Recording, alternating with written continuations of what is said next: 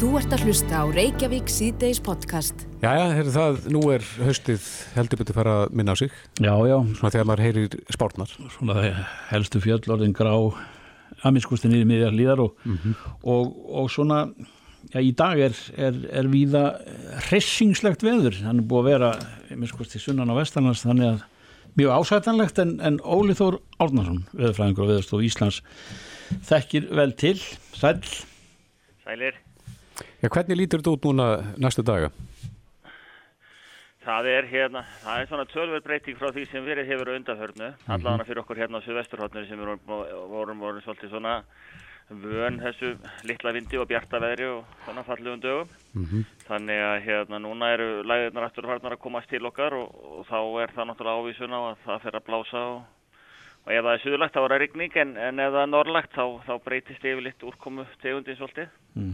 En það er hérna, það er ennþá að kvessa hjá okkur og, og gula viðvörun sem er úti, hún tekur gildi klukkan 5 í dag hérna síðust á landinu og nær hérna austur í austur á Öræfum allavegana, þannig að það eru, þetta er undir eigafjöllunum og í Öræfunum, þetta er mjög klassist fyrir austanátt og á þessum ástíma, þannig að það hérna, það er svo sem ekkert mikið um það að segja og það rignir ágætlega með því líka, þannig að Hvað þýðir þetta fyrir suðvesturhóttnið? Við verðum bara á svipur róli eins og það er núna, það getur ringt inn á milli eins og gerði í morgun og svo koma þurrir kablur inn á milli og við erum bara í austan strekkingsvindi eins og er búið að vera í dag sko, þannig að það er ekkert flóknara og ekkert meira en það svo sem. En nú landslutar?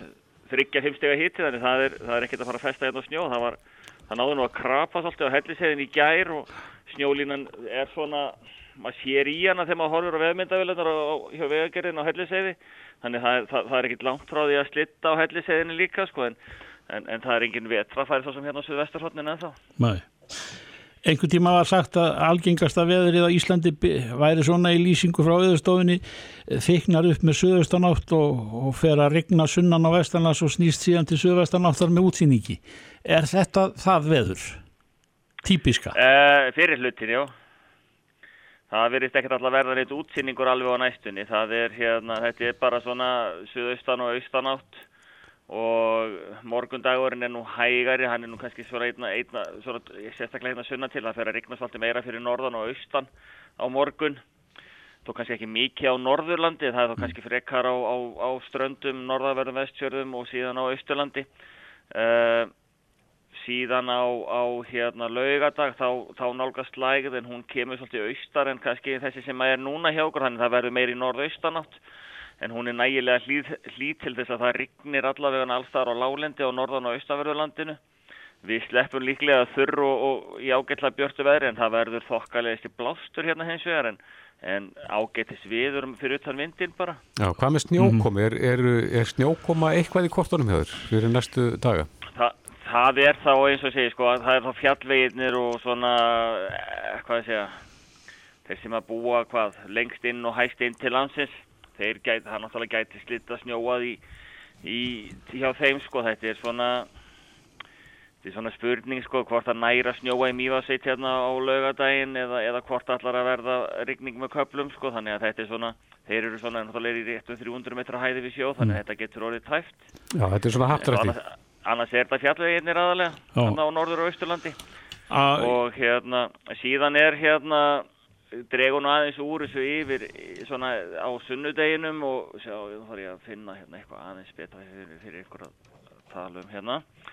Síðan er eiginlega það sem er eiginlega áhugaverðast í þessu öllu saman og það er eiginlega það sem er stefnir í að komi hérna eftir helgi sko. Já, því að sko, já, sunnudagurinn er bara blöytur fyrir norðan og, og ennþá svona sæmilega hlýtt á lálendi við ættum að sleppa nokkuð vel hérna á suður og suðvesturlandi.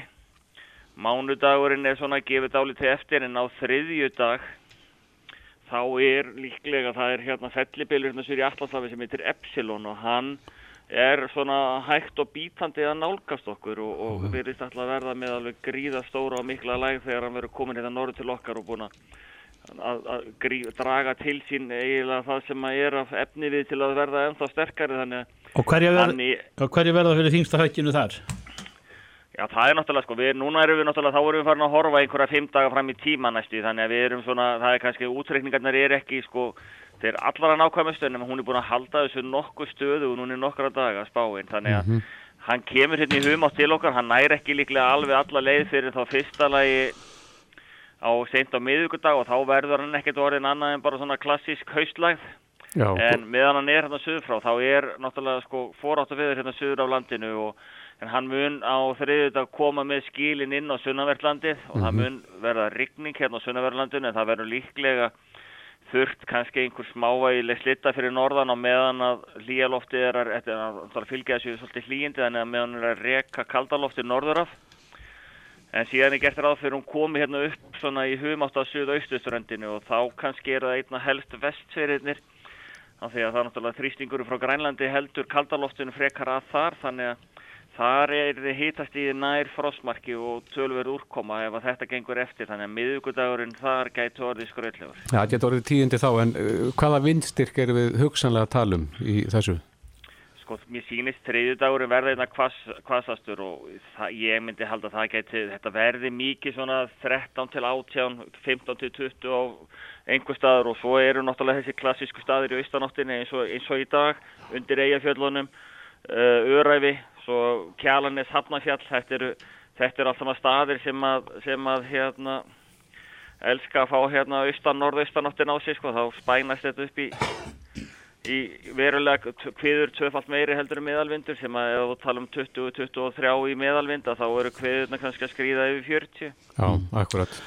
Óli Þór Aldarsson, já þetta eru sannarlega tíðindaríkar veðurfregnir sem við fáum hér og nú og, og svo er von á stórum, já svona kannski stormi hér söður á landinu en á hafi úti en, en tími vetradekkjana svona í lokin, er, er hann runnin einhver staðar upp, sínist þér í kortónum? Sko ég, sko ég, mér finnst, ég get alveg þó að það sé kannski ekki bein snjókoma nema kannski þarna einna helst fyrir fjallvegina fyrir norðan og austan og síðan á vestjörun þarna fljótlega eftir helgi að þá má líka alveg leiða, leiða líkur á því að flesti þeir sem keira um á dekkjum sem búið er að keira á kannski síðan í voru að þau eru orðið slitinn og skítu að það getur verið gott að keira þó og sért að keira á auðu að þá er þá hérna er betra að vera á grómunstru um vetradekkjum heldur en á slitnum sumadekkjum þegar þetta keiri svona mikill í bleitu. Já, Óli Þór, takk fyrir þetta. Takk Óli. Er það vel í titt? Bless, bless. Jú, bless. Þú ert að hlusta á Reykjavík C-Days podcast. Reykjavík síðdeis, við spurðum í viðþórskönnun núna sérst á sólringin um hérna ráþeira, hvaða ráþeira fólki finnst standa sér best í ríkistjórn, verðum með niðurstun og þeirri könnun hér á eftir. En uh, aðeins að málu málana, já, það er, það er, er, er þríeitið góða Já. sem að hjælt fund í morgun og, Flott. og það hefur komið fram í fréttum að þriðji stóri hópurinn uh, greindist við landamærastímun sem að var að koma frá, frá Pólandi. Já, einfalt einfallega lætur það í, í, í eirum þriðji stóri hópurinn frá Pólandi Já, og einhvern veginn finnst manni þetta renna stóðum undir það að halda þessum landamærstípunum, hérna stímunum áfram. mm -hmm. Maður getur svo sem ekki ímynda sér hvað hefði gerst ef að svona stór hópur hefði farið þá inn í samfélagið og dreift sér þar en. En Víður Einarsson, uh, yfir lögreglu þóttn er á línunni, kom til sæl. Sælir? Komið, komið sælir. Uh, þriðji stóri hópurinn, ég veit að það eru einhverju sem að velta því fyrir sig hvort að það komi til greina þegar það er að koma svona margir smitaði frá einu svæði, einfallega að loka á flugferðir frá því svæði. Það hefur nú ekki verið, ekki verið rætt, svo ég veit það til. Við erum, það með það sem að sóttanarlækni lagði til að vera örgustu aðgerðnar á landamæri, það eru þessi töðarda skimun. Hún hefur, hefur heldur betur sínt sig og, og ég held að sé svo mikið ástæð til þess að breyta því núna þegar farandurinn er á mikill upp, uppsveiflu víða í, í Evrópu og eins og sóttanarlækni kom fram með í dag, þá er einhver hvað, þrjú lönd og Ísland sem eru það sem að tóknu verið fyrir að náði í byli en annars það er að ná mikill upplið og Póland er eitt af þeim löndum þar sem að það ástandið er bara frekar erfitt og, og hérna, það er kannski sk- fyrst og fremst skýringin á þessu máli. Er, er þetta, þetta önnur spurning sem að við höfum heyrt, eru þetta Íslendingar sem eru á ferðalagi þarna eða eru þetta pólverjar sem að búa hér og vinna? Já, ég kalla það á Íslandíka þó þessu með pólskan uppruna og, og þá er þetta bara fólk sem er býr í okkar samfélagi og, og hluta því en, en mjög margir með á, á pólskum uppruna langfrestir. Já.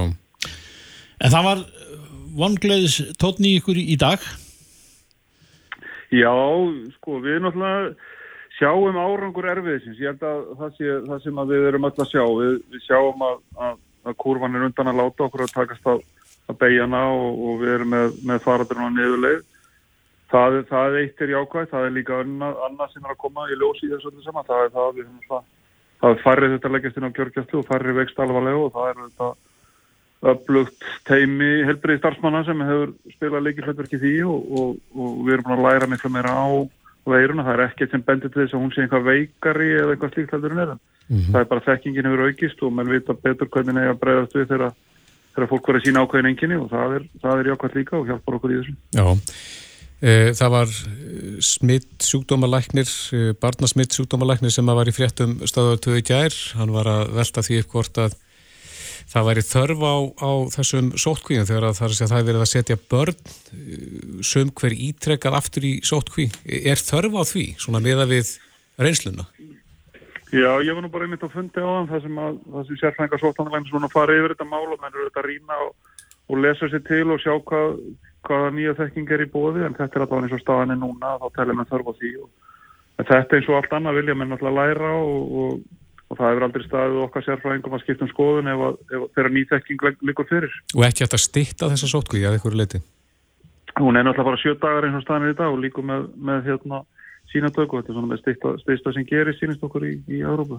Mm. Það er mitt. E, þessu tengt e, flensulif e, upp urrið að sinni e, einhver órói vegna þess?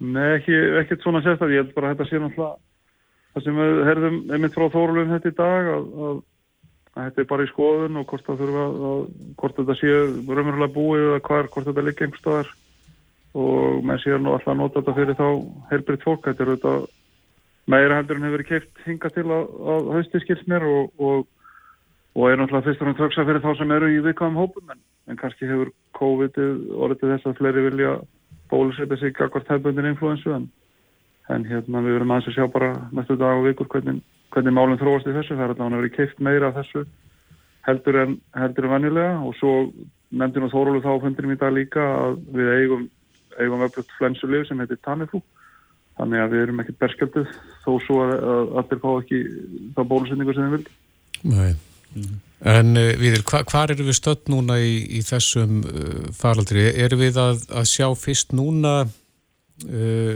það er að segja áhrifin af þessum hertu aðgerðum? Já, við erum búin að, vera, búin að sjá þetta núna í nokkra daga og við séum að, að sveigja eftir leið, já, þannig að við erum svona maður bara þakka fyrir hvert dag sem við sjáum sama svona ferli að við séum að, að, að smittum séum fækka og, og, og þessi stóri, stóra hlutfall þeirra sem er í sótkví þeirra er greinast að, að það haldi, haldi áhrum að vera þannig og þá þannig munir þetta smá sem að síga niður við ég held við erum að búa okkur undir það að þetta tækja auðvitað svolítið tíma að, að, að uh, hvað maður að segja ekki hverfa en að verða þannig að hægt sé að huga því að slaka aðgjörum það, það er ekki að gera allveg aðra næstu dögum Nei. þannig að við þurfum að halda áfram og, og það var svona líka svolítið skila búið dagsins frá okkur að, að það, er, það er allt í lægi að viðkenna að maður sé þreyttur og það er allt í lægi að viðkenna að það líði ekki vel og taka umræðina við sitt nánast af fólku um það og þegar við þurfum á okkar seglu að halda og, og hérna, skiptir miklu máli að við höfum úttalt mm -hmm. í mhm. það sem að, það sem að hérna, eftir er að þessari þriði bylgu. Já, við heyrðum í fréttum í morgun að uh, það voru þrýr einstaklingar sem að uh, brödu sóttarnalög eða átt að vera í sóttkví. Uh, hvernig gengur laurugluna eiga við þessa einstaklinga? Og er það að kosta það að, að lauruglumenn eru á sjálfur að leiði sóttkví eða? það hefur alveg, alveg gerst að, að afskiptir lörglunar af, af fólki sem er með staðfætt COVID hafa leittið þess að, lörglumenn hafa þurft að fara í fara í sótkví og við höfum líka bara frá því sem að það dæmi það sem að, að lörglumenn smituðist við sem betur verið svona undanfarið hefur þetta gengið, gengið vel og ekki, ekki margilendi við erum þó með, með lörglumenn sem að sem að hérna eru í er í sótkví út af, út af afskiptum af fólki með, með COVID Úrvinnslu sótkví Framlýð með stafsmörunum En e, er, er þetta færast í vöxt? Að þið eru að grípa fólk sem að brítur hérna sóttanalug? Við erum kannski aðeins í öðru umhverju núna heldur við vorum við erum alltaf með við erum alltaf með, hefum haft meiri afskipt af því sem við kannski kallum góðkenningur láruglunar í þessu málflokki sem að hefur þá verið útsett eða verið með staðfest smitt og það er þetta ykkur álægið á lögregluna að fóst við það. En eh, svo að það sé nú undirstrykað og haldið til haga að eh, það er á ykkur að heyra og maður heyri það víða að það er eins gott að við eh, náum, náum í land þegar að þetta verður færst eh, svona tölurna lækka og, og það er svona, svona vonarneistar hér og þar en uh, við höfum reynsluna því nú þegar að, að uh, ef að það tekst ekki, hvað þá? Já, ég meina við, við held ég að vitum það alveg að, að, að hérna, það að vera með mikil smitt, mikil fjölda og mikil álag eins og við vorum með bara í síðustu viku að það er staði sem ekkert okkar vill vera í. Við viljum ná þessu niður þannig að hægt sé að slaka á í, í, í stífustu reglunum í, í samfélaginu og við getum fundið svona okkar nýja norm og, og hérna og lifa lífinu í þe- þeim heimi sem að COVID er að, að skamta okkur þessa, þessi misseri þangað til að þangað til að bólefni kemur og við getum, getum kannski hérna hort á, á nýja raunveruleika þá en þangað til verðum við að vanda okkur mjög vel og það er, þetta er allt mann undir okkur sjálfum komið hvernig þetta fer, það er, er algjörlega okkar höndum. Já. Víðir Reynisóni, lauruglu þjótt, kæra þakki fyrir þetta. Takk. Takk sem, takk sem að leiðis. Hlustaðu hvena sem er á Reykjavík C-Days podcast. Jæja, Reykjavík síðdeis, ég veit að það eru margi sem að spyrja sig eh, sem er á leiðin út af heimilisinu hvar eru mestur líkunar því að ég geti orðið þjóksanlega fyrir smiti eða eh, ef að ég er að smita hvar eru mestur líkunar því að ég smiti aðra e, á línunni er e, Jóhanna Jakobsdóttir hún er líftölfræðingur hjá Háskóla Íslands, kom til sæl Sölves. uh, sælir. Já, þetta er spurning sem að margir hefa spurt sig og allt frá því að fyrsta bylgjan reyð yfir. Erum við ykkur nær um þetta?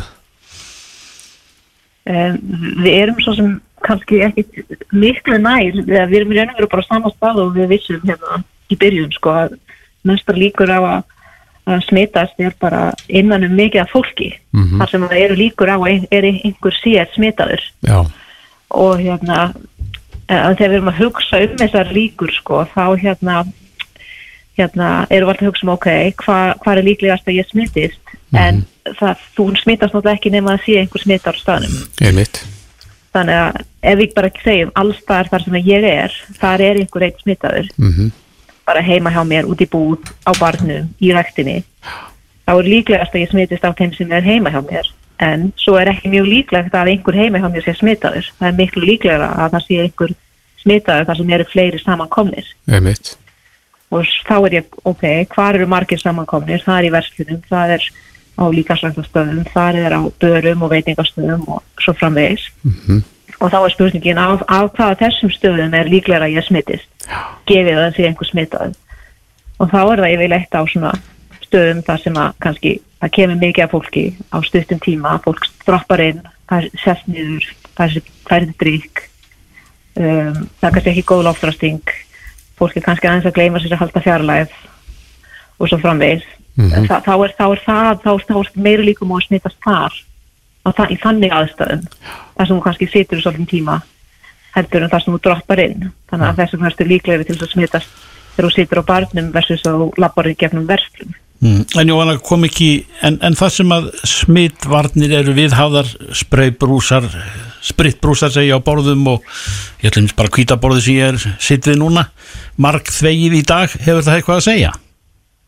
uh, ég hugsa að það hafi eitthvað að segja og en hérna, ef þú bara hugsa við allavega margir, þeir eru mjög passa saman upp á sínar eigin smittvarnir þeir, Mm. þeir spritta sig áður en farin búð svo spritta þessi þegar þeir koma heim Já. þannig að kannski breytir ekki öllu hvernig, hvernig hvort það er snerti eitthvað smitt hérna í búðinni en það þar sem þeir kannski sitja lengi á veitingastæði eða kaffehúsi og fara svo á hérna, hérna á snertinguna og setja svo aftur niður og, og eru ennþá með eitthvað á puttunum þar er kannski meiri líkur á að þeir smittist eða eitthvað gleymist í þessum hlekk að passa mm sínar eigin smittvarnir Já, þannig að jú, smittvarnir hafa náttúrulega eitthvað að segja sko en það er svona kannski aðalega hvort þú bara gleymir þér ég held að, held að fólk held að við gerum öll sko Sumar já, sumar verslanir hafa bóðið upp á það. Það stendur bara maður í vingangin og hann sprittar handfanga á, á kerrum. E, slíkt hlýtur að hafa eitthvað að segja. Ég, það hjálpar allt til Mhm. af því að þú veist, það er allavega tekt eða ta- talið að hún smitast með smertismiti og, og þessu drópasmiti sko, Já, akkurat. þannig að það, það hjálpar til Já. að að hafa, hafa hérna, hérna sótvarnir í lægi og náttúrulega ekki bara fyrir COVID, bara líka fyrir aðra sjúkdóma eins og flensuna sem er alltaf að fara að koma. En svo skiptir líka miklu máli eins og að því við erum að tala um uh, maturverslanir, það eru margar kerrur, þá eru, ef við erum að tala um líkur og, og tölfræði, að þá þarf eitthvað smitar að hafa verið með akkurat þessa kerrur sem að ég er með, ef ég á að geta smitast það. Akkurat þessa kerfi sem þú ert með og hafa snertana akkurat á sama stað og þú ert með Já, og við erum með nóga mikla veiru og þú þarfst svo að setja hana upp í þig sko, akkurat já, þannig að inn í búð, þannig að þú þarfst að naga neglunar inn í búð já, þannig að leiðin er, er kannski aðeins lengri en við höldum. þannig að hún er lengri en við höldum en, en hún er líka bara svo lúmsk og það bara er svo, er svo auðvelt að gleyma sér Já. og, og bara hérna þú, maður hefur heyrt um svo marga einmitt sem að bara, ég hafi ekki hugmynd um hvað er smituðist og segja að það lítur að hafa verið þetta það lítur að hafa verið kaffikannan þannig á þessum stað, þannig að já. snert hana svo margir en það þarf ekki að vera sko. Nei, en Jóhanna, er, er, er búið að greina það svona á þessum tíma hvar fólk hefur helst verið að smitast? það er, þeir náttúrulega fylgst með þessu og það fylgst náttúrulega með þessu í vor. Þá gefur nú grein þar sem maður fylgst með bara dag frá degi sko, þú veist, smitin sem greindust þennan dag, hvert voru í rakin? Og það er náttúrulega held ég verið að fylgjast með þessum hlutum núna og það hefur komið fram hérna í fjölmiðnum að hérna í upphafi þessara þriði bylgu að þá voru þetta svolítið mikið smit á vinnustöðum, smit í félagslífinu um, og, og, og hérna, svo einhver fjölskyldu smit líka en núna hefur, hefur þetta færst til og meiri hlutin á smitunum eru innan fjölskyldana eða náina, náina hópa þannig að það bendir til svoleiðis upplýsingar benda til þess að það sé verið að ná utan um faraldurinn sko. Mhm. þegar smitunum sem að sem gerast svona utan við þinn innsta hring fækkar sko.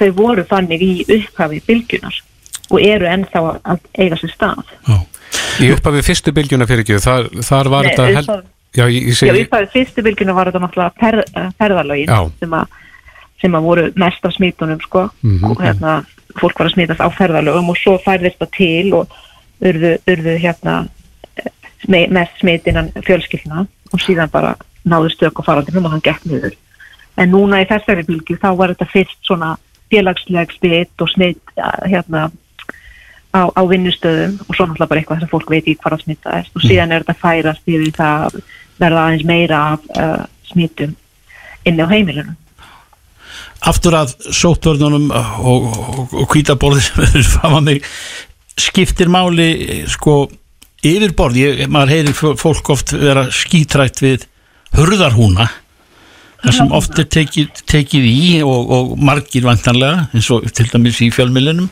sem við, við vinnum og borðin eru þe- þetta eru rennisléttar eh, borðplötur uh, og, og svo aftur eru, eru rjúari áferð á, á veggjum og svona, skiptir það máli?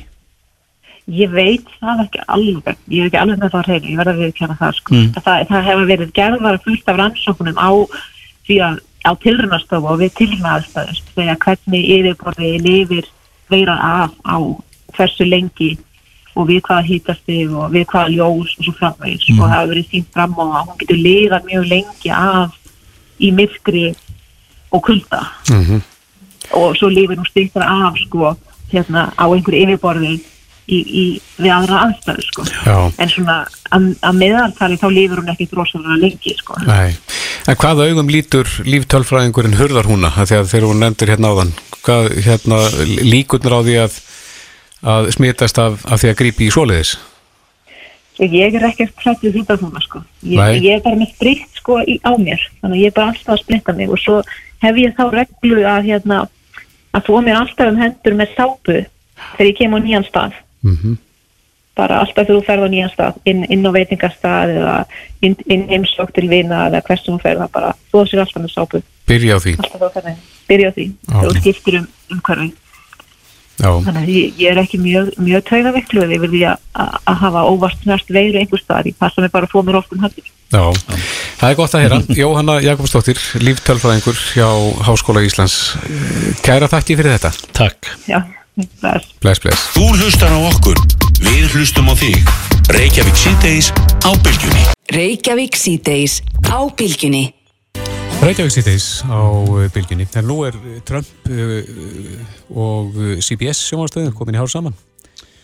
En Trump byrti brot úr 60 mínútum. Þeir tóku viðtal við hann. Mm -hmm. Eh, Gekk hann ekki út þar? Jó, hann hérna, semst mætti ekki ykkur á tökur hérna. Mm. Setni tökur þar sem hann átti að vera á gangi með, með Mike Pence Mm. á lóð Kvítahúsins, ef ég stíla þetta rétt, en en CBS segir að hann hafi rófið trúnað og reyndar svikið samning sem hann skrifaði undir við sjónvarstöðina. En Silja bara Ómarsdóttir, eh, dósent við uh, stjórnmálafræði til Háskóla Íslands er á línu, kom til sæl. Selbes. Já, sælir, daginn. E, þeir, þeir, já hvað, hveðast á, getur við sagt, eða hvað, í, í Tennessee í kvöld? Já, það, hérna, þetta verður áhugavert að sjá hvernig hérna, þessi mute-takki, svo í sletti, hérna verður notaður Já. og uh, það, svona það sem er að, að koma út í, í kringum þetta, þessar hérna, kappræður er að bætin hefur lítið verið á ferðinni, hann hefur sett hérna þekta eh, bandamenn sína eins og Barack Obama meira út á, á vettvang og, og verið heima að undirbúa sig fyrir kappræðunar, á meðan að- Trump er ekki til í að hlusta á ráðleggingar eða æfa sig og hérna og hans ráðgjafar er að hvetja hann til þess að að eh, vera ekki að grípa fram í eins og hann gerði svo mikið í fyrstu kappræðunum hérna, þessum einu sem að hafa verið vegna þess að, að eh, Biden er ekkert sérstaklega orðheppin og, og hann hyggstar oft svolítið og svona hérna, svona sasar um uh, hérna orðsín og þannig að það gæti bara verið betra fyrir Trump að leifa Biden að tala svolítið óhindræft Mhm. frekar en að vera alltaf að, að grípa fram í Já, þe- þegar þú talar um að hann sé óefum orð, hann hefur og gerði það í æsku ekki þjásta stami. Jú, það er eitt og, og það var sem að mér fannst ábyrrandi í fyrstu kappræðanum að, að Trump væri svolítið að, að hérna, reyna að koma honum í jafnvægi þannig að stamið, stamið er þið sýnilegt. Mhm. En þetta er nú kannski meira svona eitt af mínum uppáhalds hérna, mí- mínum hérna, uppáhaldsminningum úr, úr, hérna fórseta baráttunni, kostningabaráttunni 2008 þá hérna það var svona hringur í, í kringum sko ræðu eh, hvað kallar maður þetta, svona svið sem að bætin stóð á og allt í einu fattar hann í miðri hérna eða svona undir lokin nei hjálpu mér, þið eru búin að horfa á hérna afturöndan á mér allan tíman uh, afsakið þú veist að hérna og notaði svona ókvist þessar orðið yfir afturönda að hérna þannig að svona frekar svona hlutir hann, hann einhvern veginn svona stígur í hérna já, eh, svona já, svona stígur á, á tæmur á sjálfur sér einhvern veginn. Og hérna þannig að, að það, það og síðan auðvitað þetta að, að hérna ef hann uh, kemst úr jafnvægi að þá hérna stundum þá kemur þetta svolítið að hann sé lengi að, að finna orðin vegna þess að, að uh, stafmið er að, að koma upp og skikk viðandi að vera vakandi fyrir þessu í dag. Er ekki alþjóðlegu vitundavakningur alþjóðlegu vitundavakningum um stam Jú, í dag? einmitt, þannig að þetta er hérna viðeigandi umræðinni En uh, Silja, nú hefur uh, sko uh, ef ég tek, tók rétt eftir 40 miljónir manna kosið nú þegar eftir einhverju kostningakerfi sem maður botnar aldrei í uh, hva, hvað er það stór hluti af, af þeim sem er á kjörskrá? Svona, Þetta gæti verið alltaf fjórðungur. Það er hérna, mér minnir að í síðustu kostningum hafi verið um 150 miljón atkvæði greitt. mm, Þannig að, að hérna, það er svona frekar búist við betri uh, kjörsókn núna heldur en þá og uh, þannig að þetta, þetta er alveg verulegur hluti kjósenda og, og, uh, og þessi atkvæði eru að falla af því að fólk er skráð, sko það er skráð á kjörskrá mhm, uh, hvaða flokk það aðfyllist. Þetta geti fólk kostið annan flokk heldur en að, að skráningin segir til um. En það eru, hvort það eru tveir þriðju þeirra atkvæða sem búið er að senda inn séu frá kjósendum sem eru skráðið demokrata. Þannig að, að það er greinlegt að, að kjósendur demokrata eru uh, í miklu mæli búinur að gera hugsen og eru uh, búinur að fara kjörstað. Vil ekki þá kannski líka taka áhættuna á því að vera á, á fjölförnum stöðum á kjördag Eru þetta þessi hérna, svo kalluðu já. póstatkvæði? Eða eru þetta atkvæði sem eru komin í sum er hús? póstatkvæði og sumstaðar er hægt að fara á kjörstað, að það opnar kjörstaður raun og veru löngu fyrr og uh, það er í, í þó nokkur ríkjum þá getur þið farið sem sagt uh, mjög víða þá hefur uh, hafa atkvæði verið sendt heim til fólks sem að fólk getur póstlagt uh, svo er líka eins og til dæmis í í Kaliforníu þar sem að skóaröldar hafa geisað og þar er, eh, er fólk oft ekki getur ekki verið heima hjá sér vegna þess að það er bara reynilega, jafnvel húsin hafa brunnið eða hvað og það er ólöglegt að framsenda kjörsælana. Þannig að í Santa Cruz sem er borg á, á Vesturströnd eða sérst, svona norðarlega í Kaliforníu að þar hafa uh, hérna, stjórnvöldi í, í síslinni þar hafa reynilega tekið upp uh, kostninga, ge- tekið svona átagsverkefni að setja á, á fót kostningabíl, bara svona eins og bókabíl sem að, að er hægt að fylgjast með á, á netinu hvar hann verður og þú getur bara mætt þar og, og kosið í, í eigin personu Mhm, eins og værir á kjörstað á kjördag. Já, já. Og þannig að það er fjöldin allur af atkvæðum sem er afgreitur þannig en síðan eru þetta líka þessi póstatkvæði og Trump hefur verið að reyna að gera þau uh, tortryggileg en, en mörg ríki hafa verið að nota þetta fyrirkomulag alveg í fjölda ára. Uh, hérna Oregon held ég að sé algjör, algjörlega með uh, póstkostningar í Colorado er þetta mjög mikið notað uh, og fleiri og fleiri ríki hafa, hafa tekið þetta upp og, og mörg gerðu svona uh, bráðabyrða uh, breytingar á sínum kostningalöfum til þess að heimila þetta Já. vegna faraldursins í, í, í vetur. einmitt. En eru þetta, eh, þessi hérna kostningabaróta hefur nú verið skröðleg, er hann að breytast eitthvað núna? Er komin eitthvað annar tótt svona þegar að það fara að styttast í í kjördag? Ég það kannski hérna eh, að, að vegna þess að sko minnstrið hefur verið svo þétt og sígandi fyrir bæta en honum í hag að þá er hérna þá, þá sýnist mér sko bæta veru hann er að, að, að, halda sér til hljés og leifa, og leifa Trump að vera bara sinn eigin óvinnur. Nei, hérna vegna þess að Trump þrýfst svo vel á því að hafa góðan óvinn til að berja á og með því að Biden sé ekkit sérstaklega mikið í kastlusinu og ekki mikið að, að hafa sig fram með og þá á uh, Trump erfiðara með að, að, svona, að ráðast á hans uh, orð og, og gjörðir.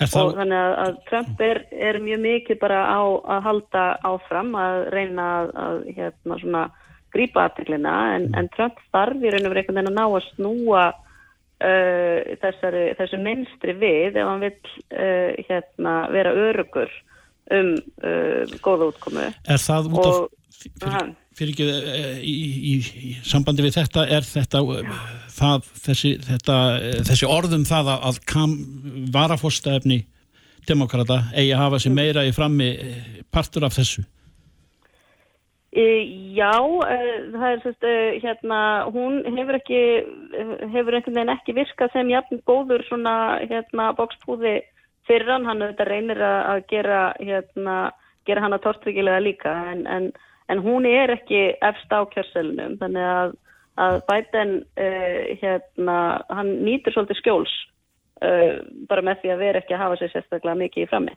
Þannig að hún er, hún er náttúrulega ferðast mun meira og hann er hérna, uh, hérna hann hefur verið mun meira í svona rafrænum uh, fundum og, og svo leiðis. Já.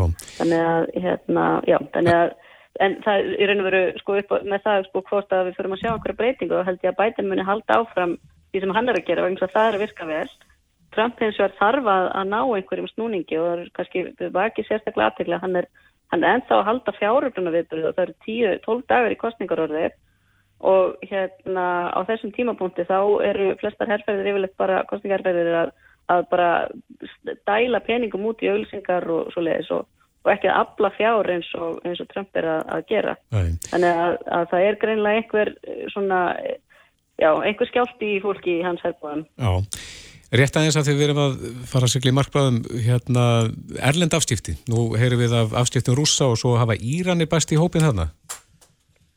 Já, þetta er auðvitað hérna, mjög áhugavert og ég verði ekki að ég er búin að vera svo haus í dag að það er meil hlutarnir sem fréttum, ég hef ekki náða að lesa mig nógu vel inn í þetta en það sem að, að virðist vera er að það sé misvísandi upplýsingar sem að, að þingmer er að fá uh, fyrir luktum dyrum og, og síðan það sem að, að uh, hérna er verið að segja fjölmiðlum beint þar að segja að uh, þeir, þeir, þingmenn sem er að segja frá því sem þeir hafa heyrt er að, að markmiði sé að uh, hérna fæla uh, kjósandi demokrata frá kjörstaf Mhm. en uh, hérna fulltrú að Trump segja að, að þessi augljósta þessar, uh, þessar pósendingar sem að, verið að tala um að þær hafi verið- tilrönd til að gera lítið úr forsetanum og uh, draga úr hans tækfæru en möguleikum til að, að ná kjöri.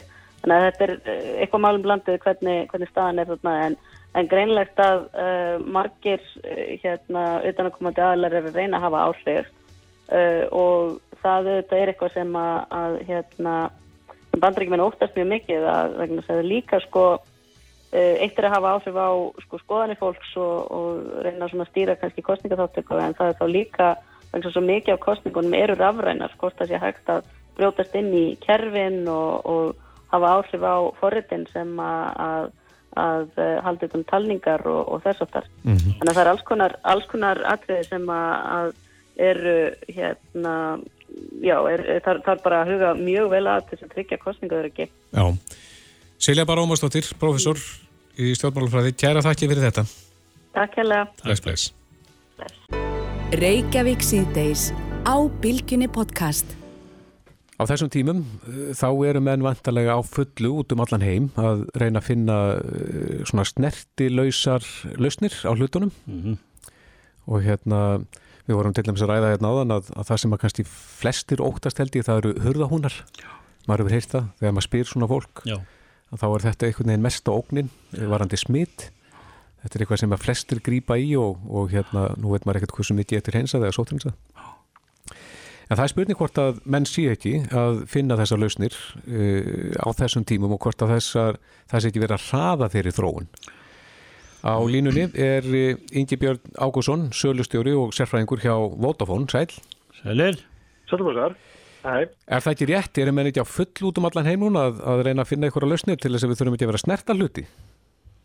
Jú, og sko, ég hérna, ég var uh, með kollinum alveg nokkra höfundur bara, strax þegar við fórum að spáði þessu, en, en það eru tölvöld fleiri með grunnaði. Og það sem kannski kom, kom svona nýjast að þau byrjaðar á snertilegsur hurð og opnun, sem hefur kannski fekst með aðgangskortum eins og við erum með bara í húsnæðin okkar, Já. að þá eru konin bara snertilegsur rofar.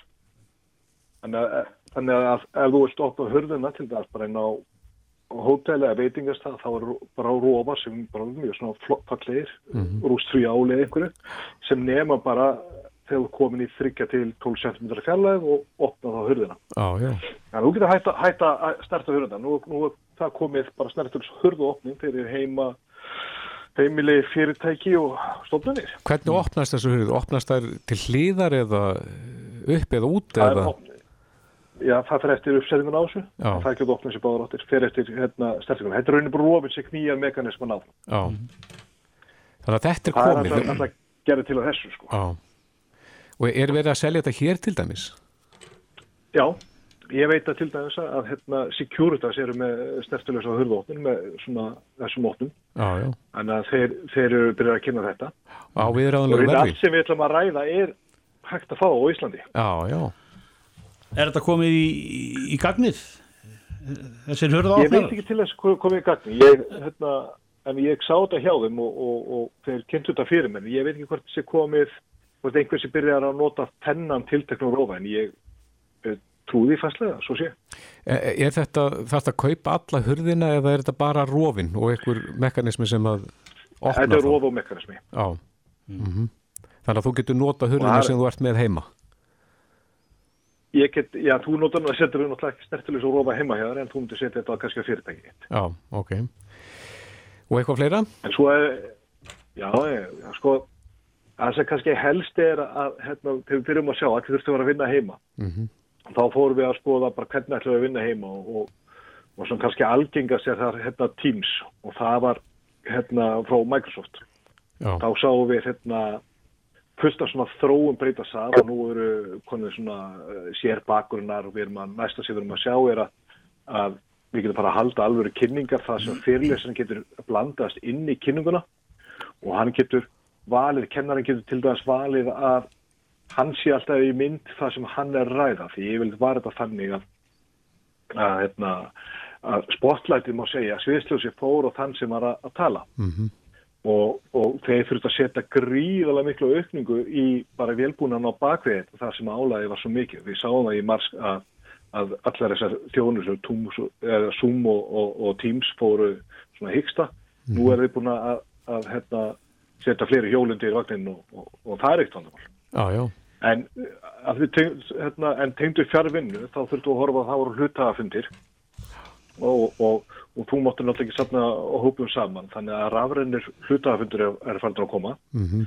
og þannig að þá þarf að tryggja aðeins meir en farið fari í tíms. Við hefum oft séð bara hlutafundir sem eru stritt það nú einfalt, en við þurfum líka að geta staðfyrst mætingu, það þarf að geta tekið til máls og jafnvel geta atkvæði. Og þú þarf að sjá þá hvernig atkvæðisréttunum er farin og, og niðurstöðunar Mhm. Og, og það eru tvö fyrirtækjum á Íslandi sem heldur sína fundir á þetta, Arjónbanki og Marel og ég held að við sem sjá þetta aukast alls konar, uh, ekki bara hlutafundur heldur líka bara húsfélagsfundir, fóreldrafundur og svo framvegis. Mm.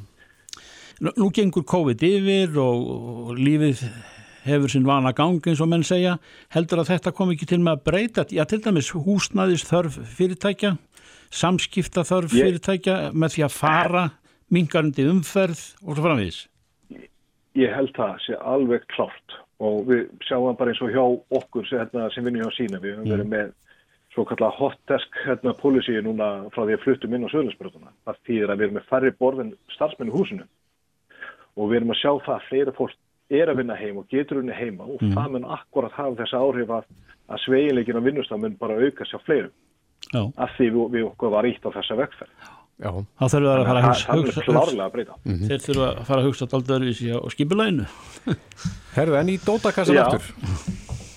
En í tótagassunum, við fórum að, sko, nú hefur verið talað mikið um íþróttahupri, landsleiki og fókbúsleiki og, og, og hverjubósleiki og hvað þetta er og, og við sáum að, að það að miðursalun hefur eh, að fara fram á, hérna, á netinu, fór í app og þar þurft að vera fast sæti og við þurfum að vita hver sittur í hvaða sæti. En ef við erum fara að hleypa fullt af fólki saman, þá þurfum við líka að reyna að, að tekka út þá sem gætu mögulega verið með hita og við erum að sjá hérna, gríða mikið frambóða hita myndavölum sem er þá að, að hitamæla fólk með 0,3 gráðu nákvæmni og þá er að mæla hita hjá alltaf 100 manns á 60 sekundum. Já. Þetta er, við, er komið á völlin úti, er komið á flugvelli og stóra skrifstofbyggingar og það er verið að, verið að skoða þetta hérna. Ég veit að KUC þurft að hitamæla til dæmis alla sem komu að vellinum á sér Mhm. hérna, fyrir þessar landsleiki sem voru núna í oktober. Þannig þetta er eitthvað sem mun, mun hérna, vikja áhuga á og, og auka og öryggi okkar. Því ég held að, sé svona svolítið atrið í þess að við þurfum að vera aðeins öryggar í umhverfinu. Þetta er svona, þegar maður hittir fólk í dag þá er maður hálfu öryggur og, og allt sem hjálpar okkur til þess að vera aðeins öryggar, ég held að það sé gott. Já, þannig að það er komið til að vera. E, fleiri fleiri snertilösar lausnir? Já, uh, veitingahús og, og alls konar aftreyingar, uh, hérna, leikhús og svona, þeir þurft að breyta sínu. Við sjáum að, veitingastæðir sem eru almennt að, taka bara með uh, borð og, og sæti, að, að það þurft að, það þurft að reyna að selja meira og, og þurft að bjóða upp að teika við þjónustu Mhm. og þá sjáum við íslensk fyrirtæki koma út með app sem heitir Dynot þeir eru komið með eitthvað 90 íslenska veitingastæði í, í sína þjónustu, jafnvel fleiri í dag þannig að þú getur farið þar inn og valið maður frá nokkrum stöðum og, og fengið þá kannski það sem fjölskyldur vantar, það er ekki að fara allt á sama staðin og þar þetta að borga og greiða hérna, borga fyrir vöruna bara einu á þægilegan hátt Já, þetta er svona eh, matarborð í rauninni eða hlaðborð inn á einu appi. Já, ég til dæmis við fjölskylda fórum inn á það sem heitir hérna 101 matöllum daginn Já. og það er matöll engum á netinu og þar gáttu bara krakkandi vali fyrir sig, ég vali fyrir mig og konan fyrir sig og svo kom bara maður heim og opnaði kassa og ég tók úr kassanum Mhm. og, og þarna var allt frá fjórum misbundi veitingastöðum og þetta var að- afhent á 40 mínútum, Já, heitt og gott. já, já. Eh, En við erum að sjá í þessu að, að, þú veist, að snertilusar matseðlar fyrir að nýta sér ímsatækni, hvort sé QR-kóði ítaka eða eitthvað annað, að þá er verið að taka út matseðluna á borðunum og, og fyrir konur eitthvað í það að þú notar bara þinn síma, skannar þetta tá og opnar þá stafrannan matseðl Mhm. og í sömum tilfellum þá getur klára allt afgriðslega ferðið og, bara, og, og pantað og borgað allt í þínu síma. Já, akkurat. Og við sáum til dæmis þetta smárabjó bara akkurat hlaupa á stað með þetta. Nú pantar þú bara sæti eitt og veitingar það allt á netinu og, og þú skannar þig þegar þú kemur inn í meðsölunastæðin fyrir að sé starfsmann sem rífur með hann og, og þú tekur veitingar það sem þú varst að pantar og setur sæti eitt sem þú átt og, og þá ert búin að búin að tryggja 2 km fjarlæðina. Já, akkurat. Það er mjög, snill, það verður kynni þetta bara núna í vikunni. Já, ég ætla að skjóta þess inn í að þið verum að tala um snertilösar hérna lausnir, uh, sápuskamtara bara fyrir heimili til dæmis, ég veit að svoleiðis er selt í Eirberg og Já, svo eru það. já, svo eru snertilös uh, blöndunatæki ég hérna fekk slíkt í, í tengi, þá bara setur hendurnar undir og það skrúast frá Já, og akkurat alltaf sami hitti, þægilegi hittin á vatninu. já, Sti- Svo stillir það sáum við til dæmis hérna Livju. Livju var að koma með fyrsta svona appið. Við höfum síðan net app, apotek Já. gangið það sem kannski farið og setti livseðlin. Mhm. En þeir fóru að skrefinu lengra.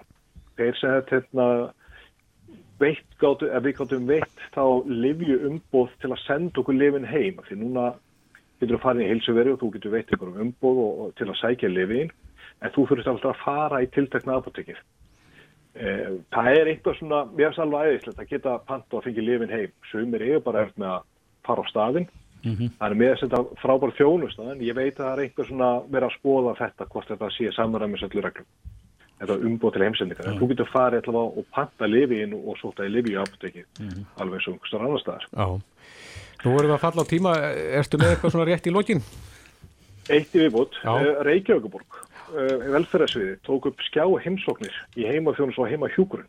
Já, Þannig þeir uh, fóru að prófa þetta með cirka 80 einstaklingum þar sem að, að þeir eru að veita fólki félagslega stöðning og nánd án þess að setja þess er smittættu. Þannig að þetta er svona viðbútt við heimafjónustun og heimahjúkurinn og þú ert kannski að minna fólki á að taka lif, mæti í félagsstarf eða einhverja aðra liðbynningar, kannski bara spjall. já, Og, og þeir hérna, og þá er starfsbarinn, hjúkurnafræðingurinn eða þjónusufylltrúin, getur hann tekið heimsóknina heima frá sér og akkur tengt sinu það sem Þorger myndi svo áðan, ekki verið í umferðinni, mikkað hana líka. Já, akkurat Þannig mér finnst þetta mjög sniðut hjá þeim. Já, fín yfirreið yfir snertilösar lausnir Ingi Björn Ákusson, sölustjóri og sérfræðingur hjá Vodafone. Kæra þakki fyrir þetta. Takk, Ingi Björn. Takk svo leiðis, heyrjumst. Blæs. Reykjavík síðdeis á Bylgjunni podcast. Jæja, Reykjavík síðdeis á bylginu. Það er nú svolítið búið að tala um uh, þessa nýju útfæslu á, á hérna uh, takmörkunum þegar það kemur að sóttvörnum og smitvörnum en uh, einhverja líkansættastöðar eru búin að opna fyrir hóp tíma hjá sér og við heyrum það í fréttum að líkansættastöð á Akarnesi, þar kom upp uh, smit.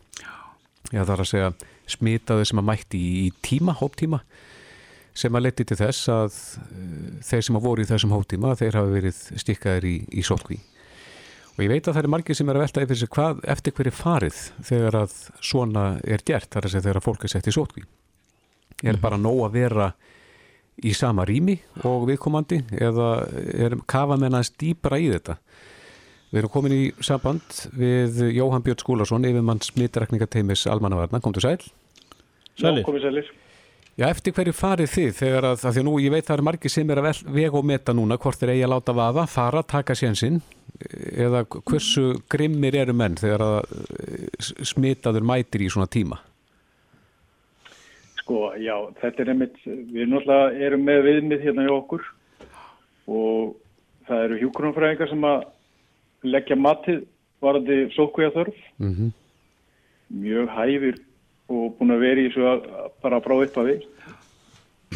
En hérna, viðmiðin eru, auðvitað eru, ef þú ert að hérna, hitta einhverja sem er ekki í þínu nánasta hring, að þá ertu náttúrulega að taka áhættu.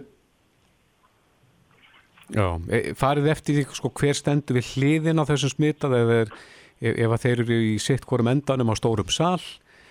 E, er, er, er svoleiðis matlagt á þetta? Hversu lengi menn eru saman í rýminu eða hvað, hvað hvernig vinnið þið?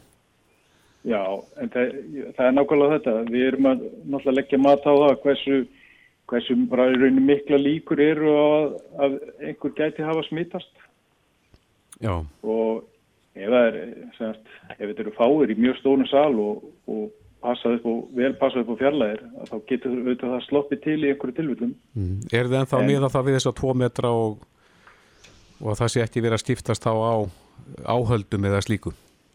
Já, allt þetta, all þessi viðmið er náttúrulega bara eitthvað sem er búið til til að minga líkur Mhm. á smiti. Uh, veiran er ekkert mikið með málbandi á lofti og þannig að auðvitað er, ef þetta er svona þannig rými að, að það er séu hérna, og við metum það þannig að það séu líkur að fólk séu útsett fyrir smiti Mhm. að þá að þá hefur, hefur verið gripið til þess að, að, að fólk þurfa að fara í sóku í, þeim tilvillum. Já, þannig að það er svona, þe- þetta er matsatrið, viljið þið fá þá uppröðun til dæmis í sölum og öðru slíku? Hvar hver stóð? Já, við, náttúrulega, þetta er, við erum að taka náttúrulega bara rauninu svona viðtölvi og afla upplýsinga. Mm og það getur alveg skipt máli og við það er þannig við með varandi flugvilar, hvar þú situr, Já, hverju þau eru að fara í sóku í þar í kring. Mm og svona erum alltaf að reyna semast, að, að, að, að sóku sé ekki, semast, gangi ekki lengra óþarulega langt hvað fjölda varðar. Nei, þetta, er, þetta er stóra aðgerð, þetta er það er verið að svifta fólk frelsinu þarna í smá tíma. Já. Er, en, en, en tilgangurinn er náttúrulega sko sá að, að, að smiti sé ekki að ganga áfram og keðjan sé ekki að lengjast. Emitt. Þannig að, þannig að að tilgangun þá- helga meðalið. Já, sko, allavega hérna höfum við alveg séð að það er þetta sem ber árangur við, að, við að rjúfa keðjuna.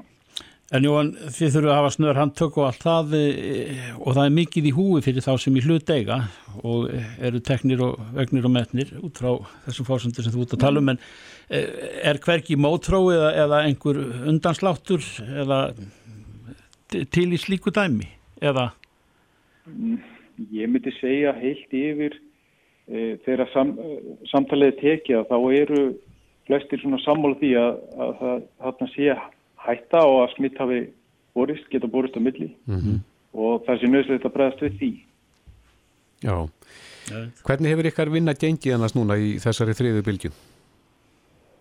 Það hefur bara gengið vel að náttúrulega þegar, hérna, fjöldin ekst svona gríðarlega á skömmu tíma að þú þurfum við að bregðast við með auknum mannskap til að ráða við. Já, nú verðist svona aðeins verið að fara að róast aftur. Finnið þið strax fyrir því? Við finnum strax fyrir því. Þannig að þetta er er þetta þegar fólk minkar, minkar hérna, tengslanetti sitt og, það, fjöldan á þeim sem að fólk hittir Mhm. að það hefur náttúrulega rosalega áhrif á þá sem að þurfa sóku í að halda. Já, þannig að það er betra að halda sér svona aðeins til hlýjast núna og, og fara síðan að stað stuttu síðar. Ég, við erum algjör, algjör í drauma aðstöðu núna til að klára þetta Já, og ég myndi segja að við sjáum strax að tölurnar eru að færa svona okkur í hag og fljótlega getum við svona um frjálstöðu strókið. mhm. En, ótt, En- óttist þið að með þessum tilslökunum uh, núna að þá geti komið bakslagið í þetta? Já, það bara, það bara getur gert það. Það er að meðan að það er ennþá eitthvað smitt, svona eitthvað dreift, að þá er fólk að taka áhættur með að að vera að heita snikið, en um leið og tölvurnar eru komna niður eins og við sáum náttúrulega gerist í sumar, að þá eru, þá eru líka það miklu minni. Já, þá getur við skelltir í tíman og, og hérna, það er lit, mjög litla líkur á að, að einhver sé smittandi þar. Já, akkurat.